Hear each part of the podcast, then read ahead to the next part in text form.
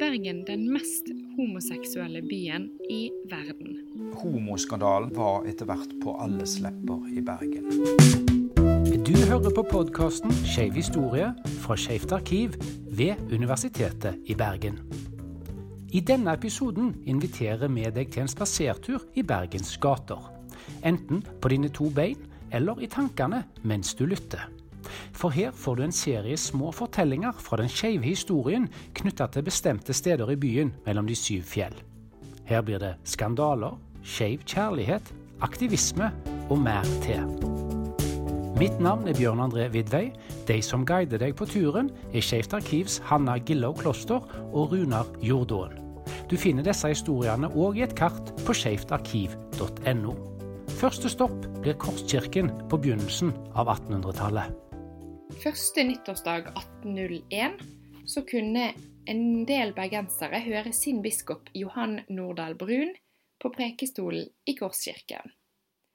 Her oppsummerte han det århundret som nå var over, og raste mot den moralske oppløsningen som var på gang.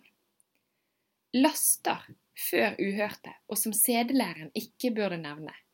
Sodoms misgjerning og Onans brøde. Mot dem er hele bøker aktet nødvendige. Velmente bøker, men spørsmålet er ennå om man bør anbefale deres lesning. Og dette utsagnet er symptomatisk. Sodomi ble gjerne kalt for den synd som ikke burde nevnes. Og biskop Nordahl Brun, som mange bergensere kan kjenne igjen navnet fra Nordahl Bruns gate, han spesifiserer ikke hva det er han snakker om, men antagelig så var de fleste tilhørende klar over at den sodomien han nevner, er enten forbudte seksuelle handlinger som kan være mellom personer av samme kjønn, eller mellom mennesker og dyr. Og generelt, så til tross for denne tordentalen, så er det nok fortielsen som har rådet om homoseksualitet og skeivhet på denne tiden. Fra andre europeiske byer på den tiden så kjenner vi til miljøet for menn som hadde sex med menn, men vi vet veldig lite om det i Bergen på 1700-tallet og store deler av 1800-tallet. Men takket være denne tordentalen fra biskopen, så vet vi at sodomi det var i hvert fall noe bergenserne var klar over og tenkte på, og kanskje var bekymret for i 1801. Ja, nå står man altså forbi Den nasjonale scene, som er jo den viktigste teaterinstitusjonen i Bergen, og har vært det gjennom 170 år. Og når man snakker om teater og skeiv historie, eh, eh, så har det vært sagt om teateret at det har vært eh, et fristed på skeive. Og det er nok en sannhet med modifikasjoner. Eh, men eh, vi finner ganske mange eksempler på skeive personer som har hatt tilholdssted her ved Den nasjonale scene. De har nok måttet ha vært diskré i mange sammenhenger, men en del av de har òg vært godt kjente i byen som homofile. Og to av disse, eh, som var veldig sentrale på den nasjonale scenen på begynnelsen av 1900-tallet, var Kristian Sandal og Hjalmar Meidel. Eh, begge disse to kan du lese om i en artikkel på Skeivopedia på skeivtarkiv.no, der da Jan Olav Gatland har skrevet om de. Eh, og den ene av disse, da, Kristian Sandal, han var instruktør for en oppsetning i 1927 som vakte stor oppstandelse i byen. Og dette er veldig interessant, for det har, så vidt meg bekjent, ikke vært kjent før. Eh, men det var et teaterstykke som skapte stor oppstandelse i byen. Og stykket det var snakk om, det var eh, La Prisionnaire, eller Den fangede, av den franske dramatikeren Edvard.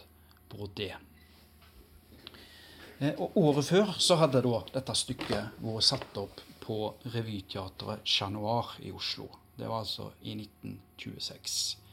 Eh, så her var det altså en privat scene som turde å sette opp dette teaterstykket, som var veldig kontroversielt. Men året etterpå, altså i 1927, så var det altså den fremste institusjonsscenen i Bergen som satte det opp. Eh, Og for å ta handlingen da i veldig korte trekk. Det handler om Irene, som er en kvinne i 20-årene, som ikke klarer å bli kvitt sin tiltrekning til andre kvinner. Og det hele blir da beskrevet i stykket som at du er fange av sine lyster. Derav da tittelen på stykket 'Den fangede'. Irene hun gifter seg, men hun klarer ikke å befri seg fra den egentlige kjærligheten. Og til slutt så konkluderer hun med at hun ikke kan annet enn å returnere til det hun kaller sitt fengsel, og forbli en fange av sine lesbiske lyster. Og dette er kanskje ikke så veldig lystig, slik vi hører det med vår tids ører. Men når vi leser anmeldelsene i de norske avisene i 1927, så blir stykket rosa for å ta opp et viktig tema av noen, men òg sterkt kritisert av andre. Og Bergens Arbeiderblad eh, det er en av de avisene som stiller seg veldig positiv til at institusjonsteatret tar opp dette temaet. Eh, og anmelderen kaller da det, dette temaet for den lesbiske kjærligheten. Um, og, og, er positiv til at uh, teatret da vil ta opp dette temaet. Eh, derimot så er en av Bergens mest berykta litteraturkritikere på dette tidspunktet. Han heter Andreas Paulsson, og han skrev for den kommunistiske avisa Arbeidet. Han er langt mer kritisk til stykket. Og han beskriver da denne homoseksualiteten i samfunnet som en giftig fluesopp, som han mener har fått spire og gro for fullt, da særlig etter den første verdenskrig. Og jeg vil sitere litt fra hans anmeldelse. Vi vet hvorledes homoseksualismen har spredt seg i uhyggelig grad. Det ble den nasjonale scenes oppgave at gi det store publikum av damer og herrer av mer, mer eller mindre konfirmerte årganger et innblikk i den slags sodomiteri som går under navn av lesbisk kjærlighet, altså samleie mellom kvinner. Og Paulsson han var bekymra for at unge jenter som i Bergen pleide å besøke teateret med sine mødre, at de kunne få en smak av noe sykt som setter frø. Men vi finner òg et veldig interessant innlegg av en anonym teatergjenger eh, i en av de bergenske avisene. Og vedkommende går sterkt mot Paulsson sin negative kritikk av dette stykket. Og Da siterer jeg òg fra det leserinnlegget. Hva kan nu egentlig Irene, den fine og alvorlige unge kvinne, for at der i hennes natur er nedlagt krefter som inngir henne en dragning mot sitt eget kjønn? Mener virkelig disse mennesker at påstå at problemet pervers kjærlighet ikke har sin fulle aktualitet også hos oss? Det er visst bare ett problem som er enda mer aktuelt, og det er hykleriet. Det var altså en ganske skarp kritikk da, av en person som eh, ville da forsvare teaterstykket. Og Til slutt så vil jeg da bare nevne at avisomtalen av dette teaterstykket det er en av de første eksemplene på at begrep lesbisk blir brukt i norsk offentlighet. Det skulle ta veldig mange tiår før dette begrepet for alvor ble mer utbredt. Vi må faktisk helt fram til 1970-tallet før det ble mer utbredt at folk til og med kunne omtale seg sjøl som lesbisk, som at de hadde lesbisk identitet. Nå står du kanskje utenfor Kunstindustrimuseet, eller det som bergenserne kaller Permanenten. Kanskje står du på Vergeland, på Ambrosia Tønnesens plass, og skal inn og drikke deg en kopp kaffe på Ambrosia kafé. Eller kanskje står du på Grimseid, utenfor det huset som het Knappen. Uansett så er den vi skal snakke om, Ambrosia Tønnesen. Og Ambrosia Tønnesen er kanskje mindre kjent som en skeiv pioner, og mer kjent som en visjonær billedhugger.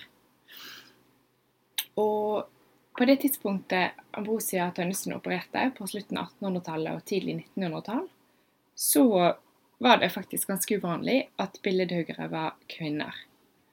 Og det som var enda mer uvanlig med Ambrosia, det var at hun jobbet alene. Det var også noe hun var kjent for. Og hvis du står utenfor permanenten, eller neste gang du er der, så ta en, løft blikket og ta en kikk på den enorme skulpturen av I.C. Dahl som står på fasaden over hovedinngangen. Den laget Ambrosia altså helt selv. Og Ambrosia hun, eh, hun flyttet til Bergen fra Ålesund da hun var ung. Og i 1888 så flyttet hun til Paris. Og der traff hun britiske Mary Banks. Og faktisk allerede samme året så eh, flyttet de to til Bergen sammen og ble samboere. Det høres kanskje veldig liberalt ut for våre ører i 2020 at to kvinner kunne være samboere i Bergen i 1888. Men dette var ikke uvanlig i det hele tatt på den tiden. Det var eh, et eh, vanlig fenomen at eh, to borgerskapskvinner flyttet sammen og var støtte for hverandre både emosjonelt og praktisk og gjerne økonomisk. Men det som i sin samtid var helt uproblematisk og ble forstått som to gode venninner som var støtte for hverandre, ville antageligvis i vår samtid blitt forstått som et lesbisk eller skeivt forhold. Og i disse forholdene så er det klart at i ettertiden så kan ikke vi vite noe om det f.eks. var en erotisk komponent i forholdet. Men det vi kan se på, er språket som ble brukt, og hvordan familien og nettverkene rundt disse kvinnene forsto forholdet de imellom. Og i brevene mellom Mary og Ambrosia så er det det vi i hvert fall i dag tenker på som et veldig romantisk språk. Mary skriver 'Min egen Ambrosia, er din til døden'. Og det var ikke bare romantikk, det var også noe annet vi forbinder med romantiske forhold i dag, nemlig sjalusi. Og den vinteren 1901-1902, da Ambrosia jobbet på akkurat den skulpturen av I.C. Dahl, så ble det faktisk nesten brudd. Ambrosia hun var i Bergen hele vinteren og jobbet iherdig for å få skulpturen ferdig til avdukingen 17. mai 1902. Mary var igjen alene i Paris og ante det verste. Hun var bl.a. bekymret over Ambrosia sitt forhold til deres felles bekjente Fridtjof Sundt. Og hvis du hører den episoden om Fridtjof Sundt og homoskandalen i 1909, så forstår du kanskje at det var en ganske ubegrunnet frykt fra Mary sin side. Men våren 1902 så topper det hele seg, og Mary skriver i et brev To er fini. Alt er over. Men det gikk heldigvis bra, og de to kvinnene fortsatte å være samboere livet ut, til Mary døde i 1920. Og Vi vet også at familien til Ambrosia var oppmerksomme på forholdet. De anerkjente Mary som et familiemedlem, og kommenterte bl.a. i et brev en rivalisering i forhold til en annen kvinne. Så det var tydelig at det ikke var bare i brevene de ble omtalt som og tenkt på, som i praksis et monogamt romantisk forhold og hverandres livspartnere. Det som er viktig å være oppmerksom på, også når vi snakker om personer som Ambrosia og kanskje Mary, det er at vi omtaler dem i dag som skeive. Og det er et begrep som eh, på Skeivt arkiv så bruker vi det for å omfatte alle som bryter med normer for kjønn og seksualitet for sin samtid. Men vi vet jo ikke noe om hvordan Ambrosia eventuelt hadde identifisert seg i dag. Og f.eks. det faktum at hun beskriver sine, sine barndomsdager som sine guttedager, så kan det godt hende at Ambrosia ikke tenkte på seg selv egentlig som en kvinne. Eller kanskje hun hadde tenkt på seg selv som en butch-lesbe, eller noe annet. Men det gjør at det er vanskelig å sette dagens ID-begrep på historiske personer. Da står vi altså i Veiten, og gatenummeret er Veiten 3. Eh, dette er altså like ved Den nasjonale scene, og i dette huset i dag så har vi nattklubben Riks, i tillegg til en uh, tapasrestaurant som heter Escalon. Uh, men dette huset det skjuler en veldig mye mørkere historie. Her lå nemlig Gestapo-hovedkvarteret i Bergen under krigen. Her ble folk avhørt og torturert. Motstandsfolk osv. Og, eh, i dag så pågår det eh, et arbeid for å gjøre dette huset om til et museum over nettopp denne historien. Eh, og når det gjelder da andre verdenskrig, så var jo Norge eh, okkupert av eh, det nazistiske regimet, eh, det nazistiske tyske regimet. Og forhistorien her er at man hadde hatt et ganske fritt eh, og åpent homoliv. Eh, og òg transliv på 1920-tallet i Tyskland. Iallfall i deler av Tyskland, og spesielt i Berlin. Det var faktisk ganske unikt i verdenssammenheng. Eh, når nazistene kom til makta, så eh, ble dette gradvis bygd ned. Eh, det oppsto forfølgelse. Man begynte å stenge ned homobarer. Og etter hvert så førte det òg til en innskjerping av straffeforfølgelsen av i hovedsak da homofile menn. Så man fikk en ganske eh, streng forfølgelse som man eh, knapt har sett noe annet sted i Europa. Eh, mange homofile menn havna i fengsel og ble gjerne fengsla flere ganger. Eh, og en god del av de havna også i konsentrasjonsleirer, der eh, flere tusen av de eh, døde. Så da skulle en jo forvente at noe lignende ville skje i Norge når, når tyskerne kom hit. Og det kan vi vel kanskje si at det ikke gjorde. I Norge så hadde man hatt en relativt liberal lov som i liten grad ble brukt, slik at homomiljøene, hvis vi kan snakke om det, på denne tida i liten grad så seg forfulgt på den måten at man ble dømt til fengselsstraffer og den type ting. Man kunne oppleve å bli eh, hanka inn av politiet, man kunne bli mulktert.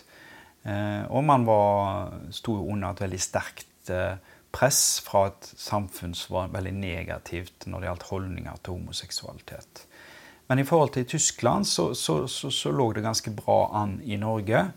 Um, og spørsmålet er jo da um, hva uh, nazistene ønsket å gjøre med dette problemet i Norge. Og, og lenge så har man tenkt at eh, de ikke prioriterte å gjøre noe med dette i Norge.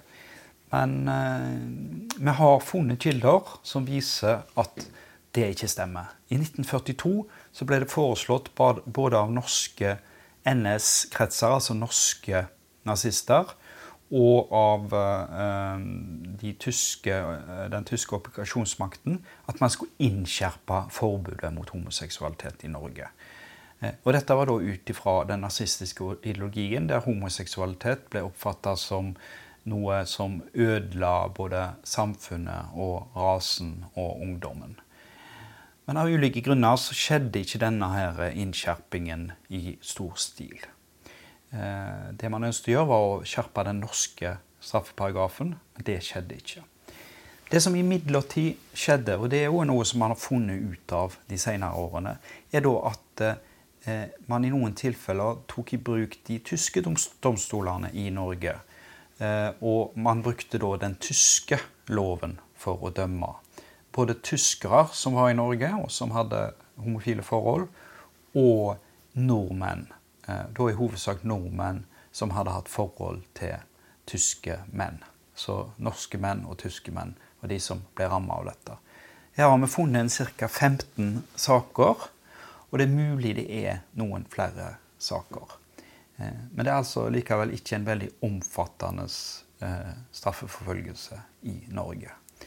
Og ellers kan man jo veldig kort si at uh, okkupasjonstida arta seg veldig ulikt for veldig mange av de som var skeive med vår tids begrep.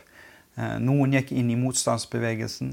Vi hadde en sentral kvinne i motstandsbevegelsen som heter Alfhild Hovdan, som også da var i eksil i, i Stockholm.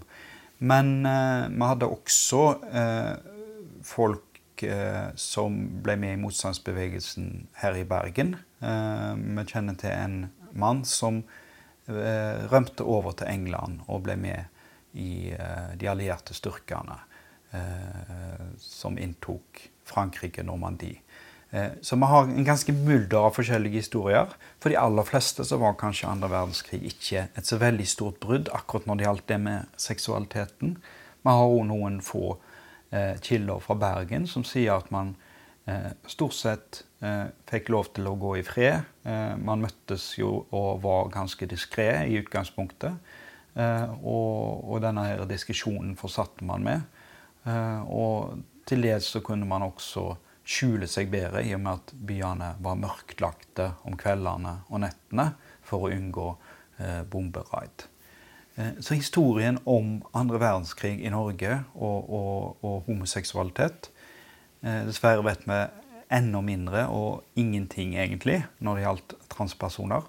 Men historien om homoseksualitet i denne perioden og den skeive historien generelt i denne perioden er veldig veldig lite utforska. Så forhåpentligvis er dette noe som er, det er mulig å finne flere kilder om i framtida, hvis noen eh, kunne tatt på seg jobben med å utforske dette kapitlet nærmere. Så det var nok ikke så veldig mange eh, nordmenn som opplevde å bli eh, avhørt her i Gestapo-huset.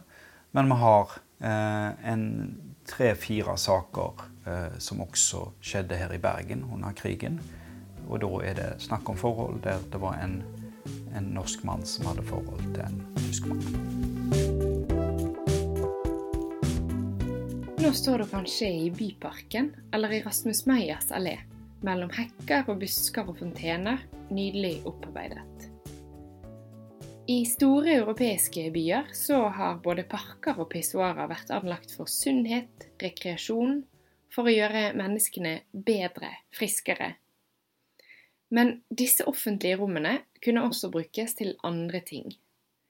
Om vi går tilbake til begynnelsen av 1900-tallet, var byene stort sett veldig trangbodde. Folk bodde i små leiligheter, med mange folk i hver leilighet. De færreste hadde egne baderom, toaletter og soverom, ting vi i dag i Norge tar for gitt. Satt på spissen så kunne man ha privatliv bare i det offentlige rom. En stor rettssak i 1938 hadde et stort saksmateriale og den viser oss litt av den skeive geografien i Bergen. Eksempel var parker som Byparken, Nygårdsparken og Musehagen, og pissoaret ved Rådstuplass og i Musehagen møteplasser for skeive menn i Bergen. Vi vet altså at det eksisterte skeive miljø og nettverk lenge før Det norske forbundet avdeling Bergen ble opprettet i 1970. Restauranter som Chianti, som lå på Bystasjonen, og Ugla, som lå der kvarteret ligger i dag, var møteplasser. Det var mest menn, men det var faktisk også noen kvinner i disse miljøene.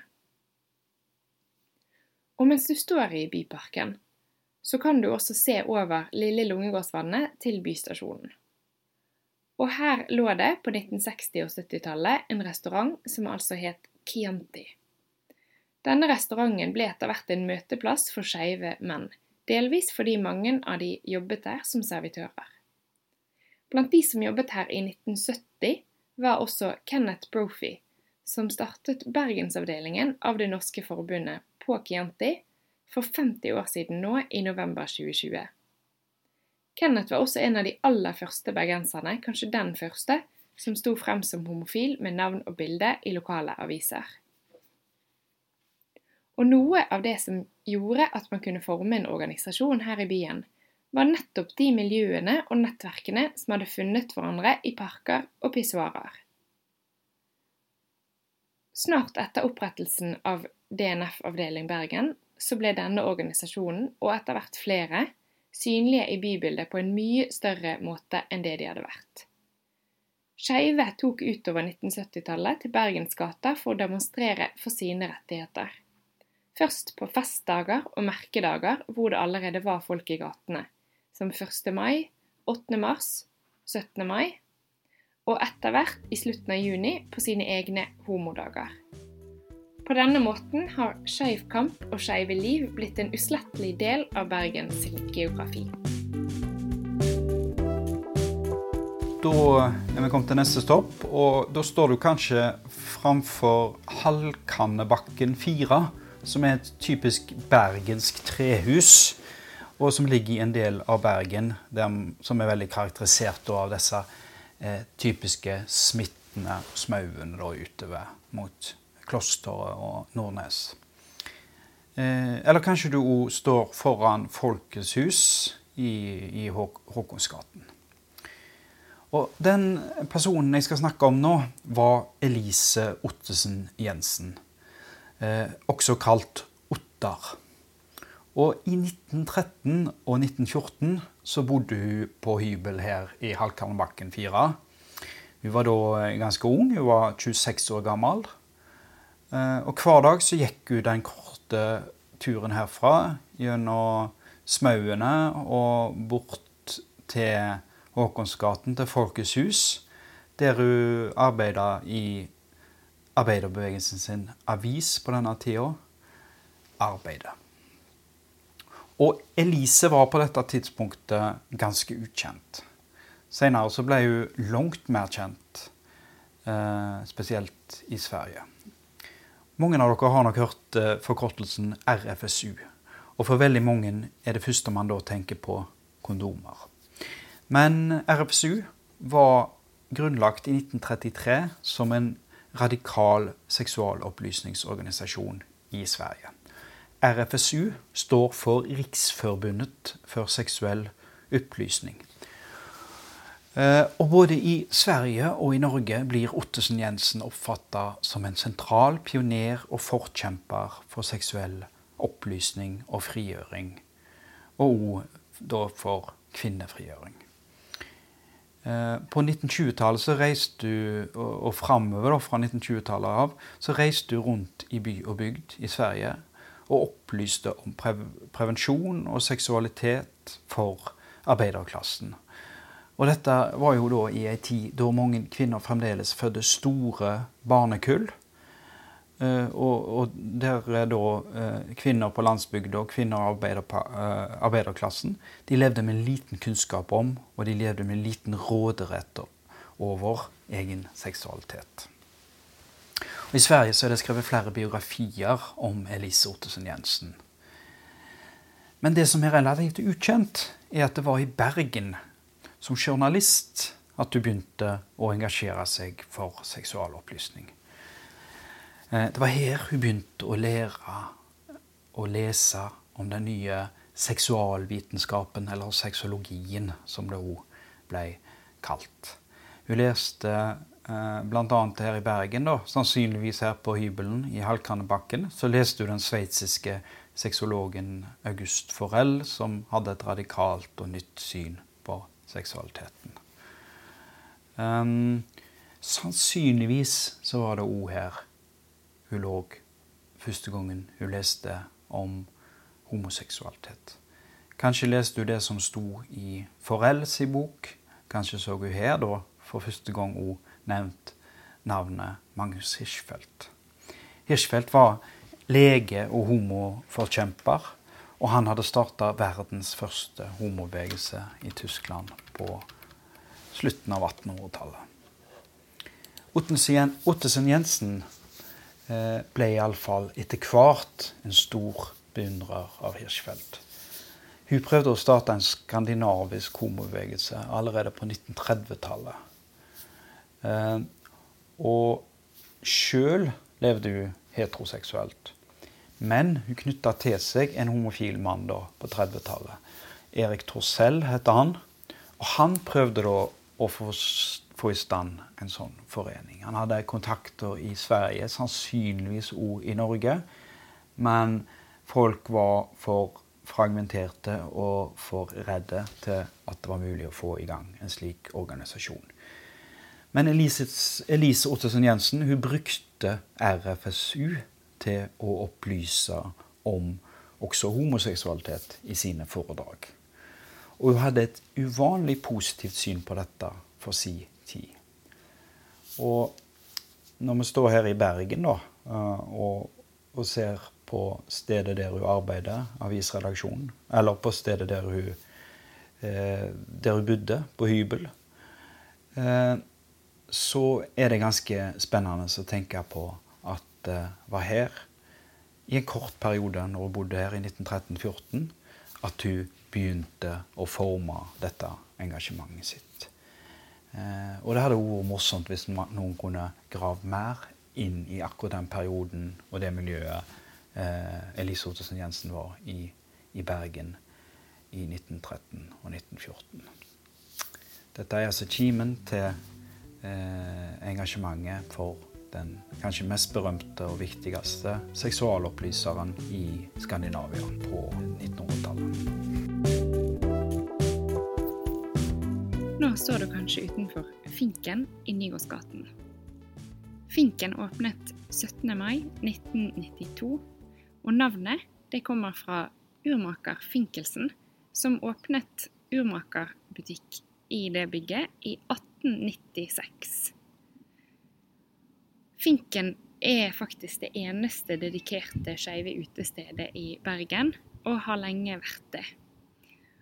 Og Finken, når det åpnet, det var helt spesielt. For det var det aller første skeive utestedet i Bergen som var midt i sentrum, med store vinduer ut mot gaten. Hvis du går til der Studio 52 var, og hører byvandringsstoppet om det, så ser du og hører du at det var langt utenfor allfarvei. Det var diskré, det var mørkt, ingen store vinduer. Det var ingen som kunne se hva som foregikk der inne. Men Finken det inviterer hvem som helst til å se inn og til å komme inn. Og når det åpnet, så var det gjennom en kollektiv innsats fra mange ildsjeler. Og lenge så var det både dagkafé, de hadde kunstutstillinger, og det som da het LLH, hadde organisasjonskontor i andre etasje. Og fortsatt i dag er jo det det stedet skeive samles for å se Grand Prix, for å se debatter og andre ting som skjer i Bergen sentrum. Og barer generelt og utesteder, det har jo spilt en helt sentral rolle i utviklingen av skeiv kultur og skeive miljø. Vi trenger bare å tenke på den revolusjonen som skjedde i USA i 1969, som faktisk har navn etter baren de startet på, Stonewall. I dag så blir barene stadig mindre sentrale for de skeive miljøene. Grinder, Gaysir og andre digitale møteplasser og sjekkesteder tar over. Men det er likevel veldig viktig å ha et fysisk samlingssted, og det har Finken altså vært for Bergen i snart 30 år. Nå står du kanskje utenfor klosteret 12, eller kanskje du ser på et bilde av bygget på Google Maps.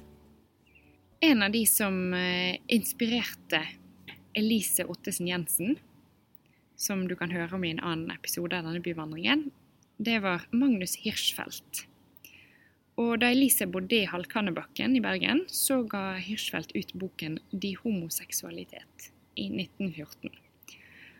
Og her i denne boken så sto det følgende En homoseksuell mann som har reist mye, kan fortelle at etter hans erfaringer og opplevelser er Bergen den mest homoseksuelle byen i verden. Og dette var kanskje en overdrivelse, eh, hva vet vi? Men eh, informanten har nok i hvert fall hatt noen fine opplevelser i Bergen. Og så har vi spekulert litt i hvem denne informanten kunne være. Og én kandidat han vokste nemlig opp her i klosteret Toll. Ehm, her bodde kjøpmannsfamilien Lockwood. Og den ene sønnen i huset han het Justus Lockwood og var født i 1852. Vi vet faktisk litt om hvordan det så ut inne i huset da Justus vokste opp også, fordi hans barndomsvenn Jon Paulsen har beskrevet det. Og han skrev her hersket en moderne eleganse. På veggen hang det malerier av kjente kunstnere i gylne rammer. Det var portierer ved dørene, og på gulvet var det tykke brystsellertepper. Og hvis jeg ikke feiler, var taket i spisestuen dekorert med blomster og fugler, noe som var sjeldent i den tids bergenske hus. Det vi også vet om huset, det var at det var piano i huset. For Justus han var musikalsk. Han ble pianist og studerte musikk bl.a. i København og Tyskland. Og dette viste seg å være en eh, inngangsbillett inn i den skeive bevegelsen i Tyskland på denne tiden. Her ble altså den første bevegelsen for skeive i verden opprettet i 1897. Eh, det var eh, en bevegelse som jobbet for eh, rettigheter og forståelse for homoseksualitet, og også det de da kalte transvestitter og seksuelle mellomformer. Det som kommer under en bredere paraply som vi tenker på som transpersoner i dag. Og her kom Justus inn i miljøet. Han støttet saken, og han underholdt på møtene med pianospill. Vi har også lest beskrivelser av Justus som person fra andre folk som var i denne bevegelsen. Han blir bl.a. beskrevet som vennlig, meget underholdende, men ytterst kvinneaktig i atferd og samtale. Og en annen skriver han har ikke forandret seg. Hyggelig samvær, men veldig overfladisk og ytterst effeminert. Og her får vi også et eh, ganske unikt innblikk i eh, skruller, som man ofte tenker på det som i den skeive kulturen på et veldig tidlig tidspunkt. Dette er altså rundt 1900-tallet, litt senere kanskje. Og vi vet også at det var mange nordmenn som dro til Berlin, for her var det et mye større miljø. Det var eh, allerede tidlig på 1900-tallet egne barer, tidsskrifter. Det var en organisasjon. Mange større muligheter til å utfolde seg og være seg selv. Det er også mulig å lese mer om nordmenn sin kontakt med de skeive miljøene i Berlin i artikkelen på Skeivopedia på skeivtarkiv.no om Pauline Hall.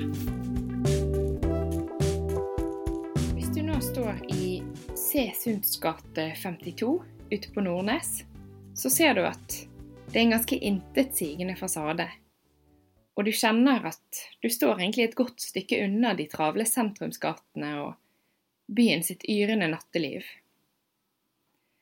Og hvorfor står vi egentlig her? I 1988 så måtte frimerket, filatelistklubben i Sandviken, som hadde vært hjem for deler av den bergenske homobevegelsen sine fester, stenge. Fordi at eh, På dette tidspunktet så begynte politiet i Bergen å slå ned på ulovlige skjenkesteder.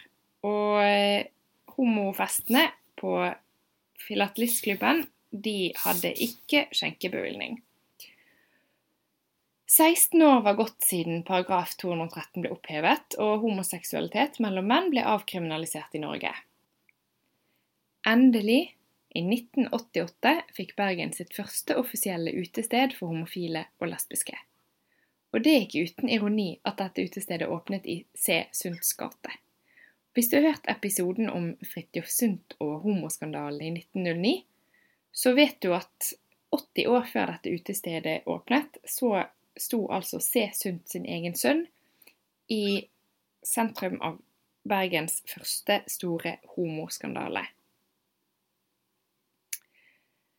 Til tross for at Studio 52, som det ble hetende, var avsidesliggende og diskré, så var det likevel et åpent, skeivt utested hvor hvem som kunne helst kunne komme inn uten invitasjon, og det var markedsført som skeivt. Det var et trygt sted på skeive sine egne premisser. I 1991 så omtalte faktisk NHH sin studentavis Studio 52 som ukens utested i Bergen. Og i den tosiders artikkel om Studio 52, som for øvrig het Der mustasjene møtes, så hadde NHH sine reportere skrevet følgende inkress. To mustasjer mot hverandre. En hårete hånd stryker et skjeggete kinn. To mandige lepper møtes i et vått kyss. Og hva så? Dette er jo milevis fra hvordan Bergen sitt uteliv utartet seg 15 år tidligere, når to menn ble kastet ut fra et utested for å danse sammen. Studio 52 ble en viktig del av Bergen sitt skeive uteliv, og uteliv generelt, de årene det var åpent. Og Studio 52 var bl.a. åsted for den berømte og legendariske Butch 5-festen som ble gjennomført i 1992, og som du kan lese mer om på skeivtarkiv.no. Nå står vi virtuelt i hvert fall utenfor Øvregaten 29. Nå ligger Kyrre skole her, men i 1860 så åpnet doktor Rosenbergs asyl på denne adressen. Og i 1895 så het overlegen på doktor Rosenbergs asyl Karl Loft. Og det året, i 1895, så fikk han inn en pasient ved navn Ågot Netland. Hun var en tjenestejente fra Hardanger, og hun ble lagt inn med diagnosen homoseksualitet. Og det er, etter det vi vet, den første diagnostiserte homoseksuelle i Norge. Grunnen til at hun ble sendt til eh, dr. Rosenbergs asyl og dr. Loft, det var at eh, hun hadde jobbet som tjenestejente, men hun drev og forførte alle de andre kvinnene i bygden. Og da ble hun ifølge husbonden umulig å ha med å gjøre. Så hun ble altså sendt til Bergen for å bli kurert for denne driften. Og det som er interessant, det er at ikke så veldig lenge før dette så ble den oppførselen som Ågot hadde holdt på med, å forføre andre kvinner, det ble sett på som enten et problem for kirken, en synd, syndige handlinger, eller en sak for rettsvesenet. Men eh, nå ble hun altså sendt til psykiatrien for behandling. Og han overlegen, doktor Loft, han var faktisk så fascinert av denne saken at han skrev en artikkel som ble publisert i 1896, og som fikk tittel 'Et tilfelle av homoseksualitet hos en kvinne'. Og eh, I denne artikkelen kan vi bl.a. lese at uh, doktor Loft fulgte teoriene som psykiatere som Carl Westfall og Richard Kraft von Ebing. Og Richard von Kraft Ebing og han så tilstanden som arvelig. Eh, blant annet så var det faktum at moren til Ågot hadde vært rar av seg, en indikasjon på at disse teoriene holdt vann. Men til tross for at han var ganske oppdatert på tidens teorier rundt homoseksualitet, så lykkes han ikke med å kurere denne kvinnen. Til tross for behandling med hypnose, kalde bad og det beroligende middelet bromkalium. Hun vil heller dø enn hun være kvinnfolk, skriver doktor Loft. Og hun ble faktisk skrevet ut og sendt tilbake til Hardanger, som altså Norges første ukurerbare homoseksuelle kvinne. Og psykiatrien hadde fra slutten av 1800-tallet eh, og frem til egentlig ganske nylig stor definisjonsmakt når det gjaldt seksualitet transvestisme, transseksualitet, sadisme, masochisme og homoseksualitet er blant de fenomenene som psykiatrien har definert som sykelige. Først mot slutten av 1970-tallet begynte avdiagnostiseringen av den ene seksuelle såkalte perversjonen etter den andre.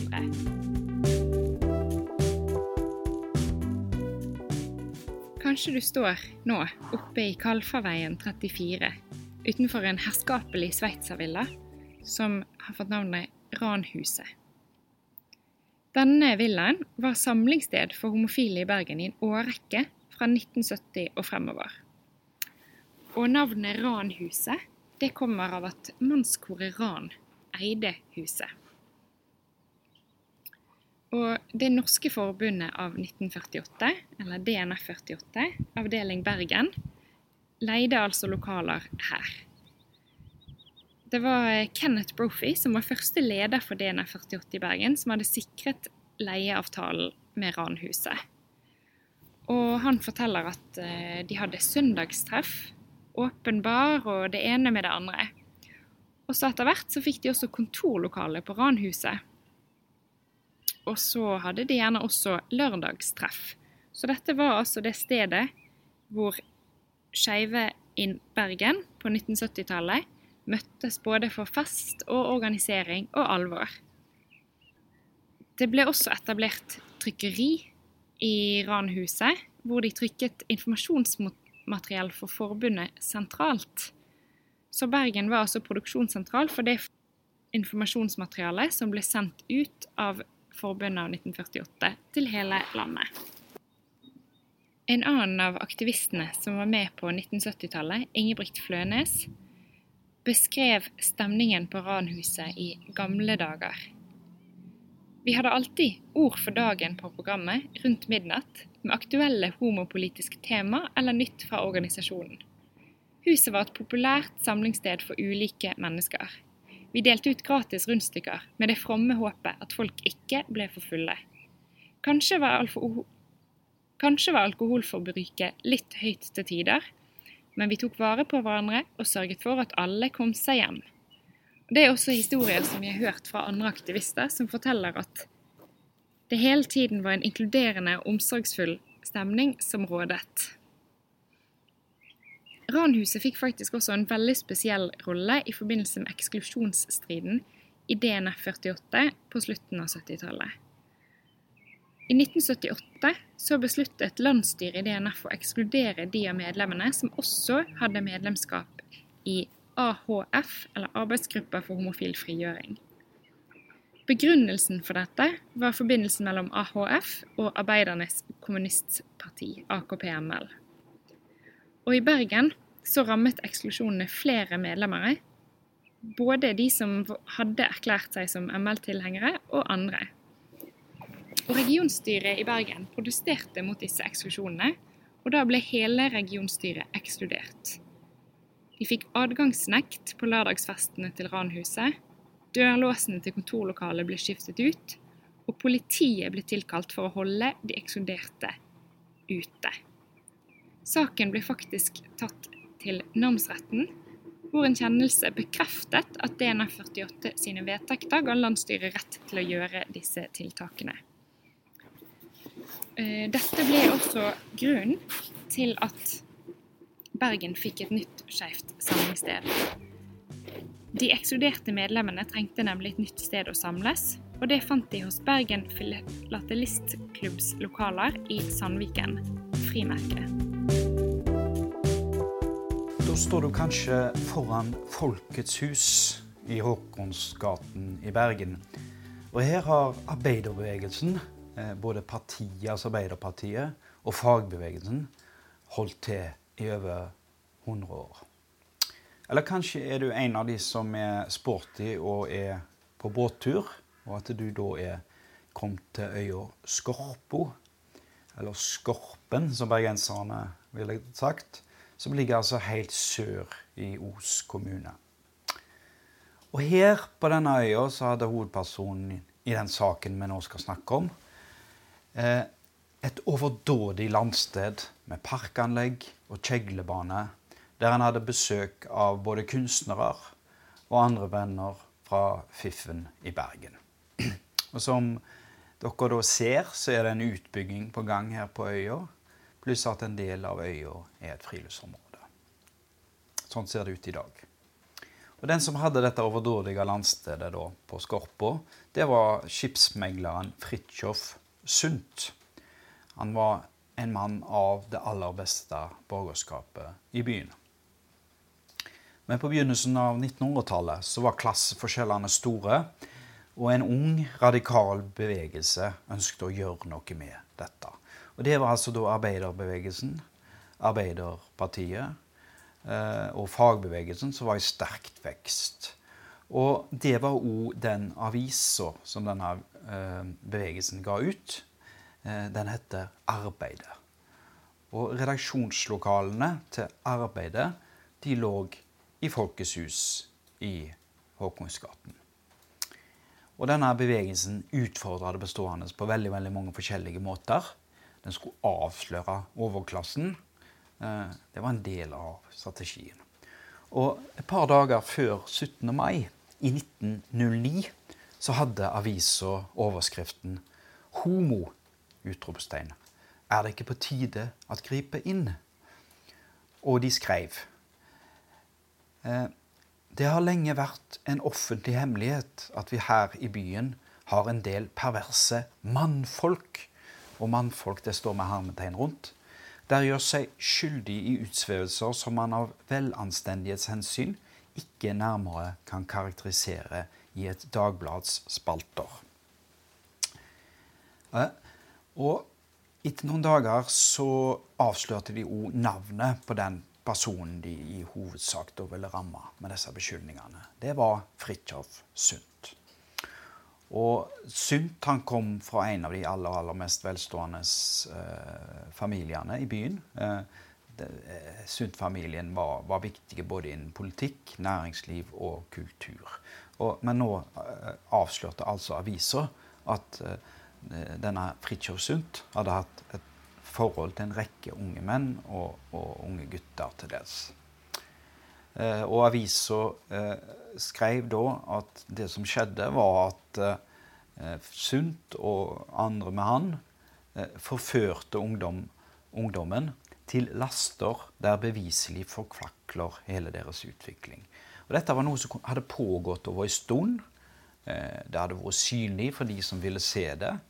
Og arbeidet var meget skarp i sin kritikk mot establishment i Bergen og mot uh, de borgerlige avisene i Bergen. Dette var gjerne folk og aviser da, som ellers eh, ville forsvare den tradisjonelle samfunnsmoralen, men her så de altså i, gjennom fingrene med når eh, folk fra deres egen klasse gjorde seg skyldig i ulike former for seksuelle utskeielser.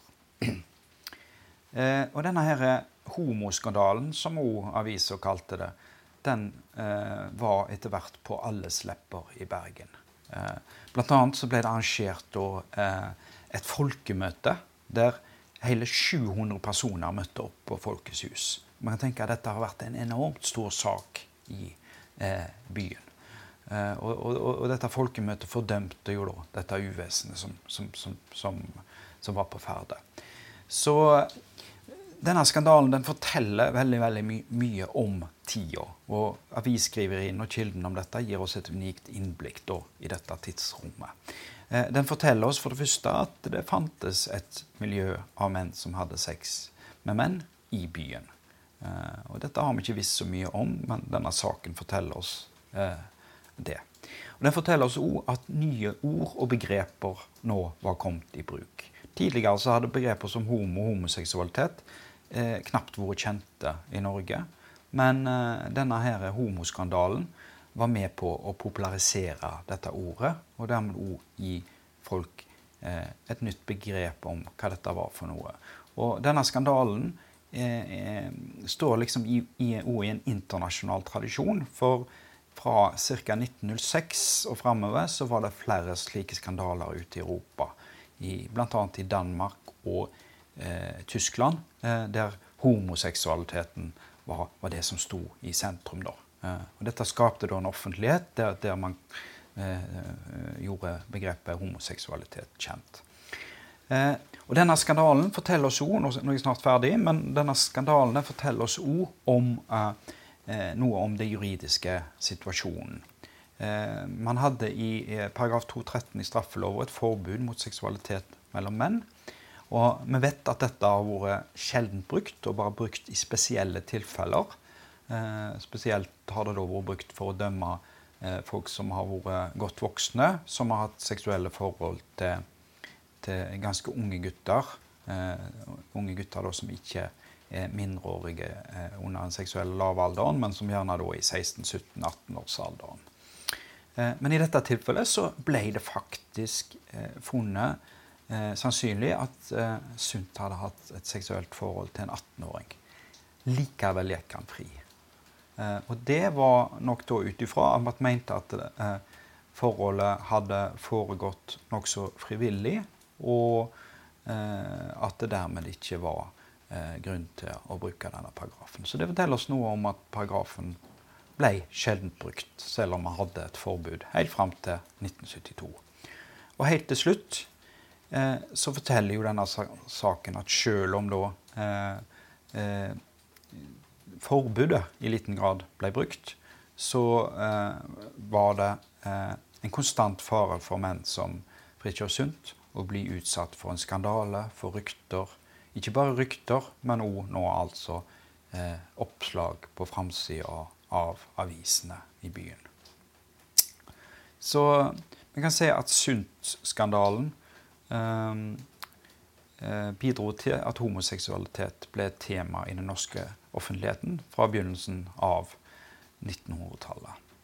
Og dekningen av eh, såkalte homoskandaler utover til langt inn i etterkrigstida var ofte knytta til eh, skjæringspunktet mellom eh, det vi i dag ville kalle pedofili og homoseksualitet.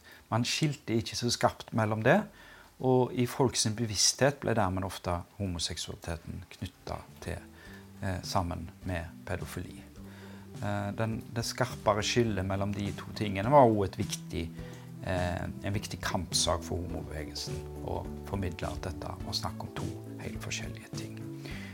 Så til slutt så vil jeg bare da si at eh, forbudet mot homoseksualitet, mannlig homoseksualitet i Norge ble stående helt fram til 1972. Eh, men forbudet var med på å understreke de negative holdningene i samfunnet. Eh, og, det kunne bli brukt som en trussel Eh, slik det altså ble brukt av arbeidet mot Fridtjof Sundt. Skeivt arkiv er det nasjonale arkivet og kunnskapssenteret for historien om kjønns- og seksualitetsmangfold i Norge. Husk at du også finner oss på nettet og i sosiale medier.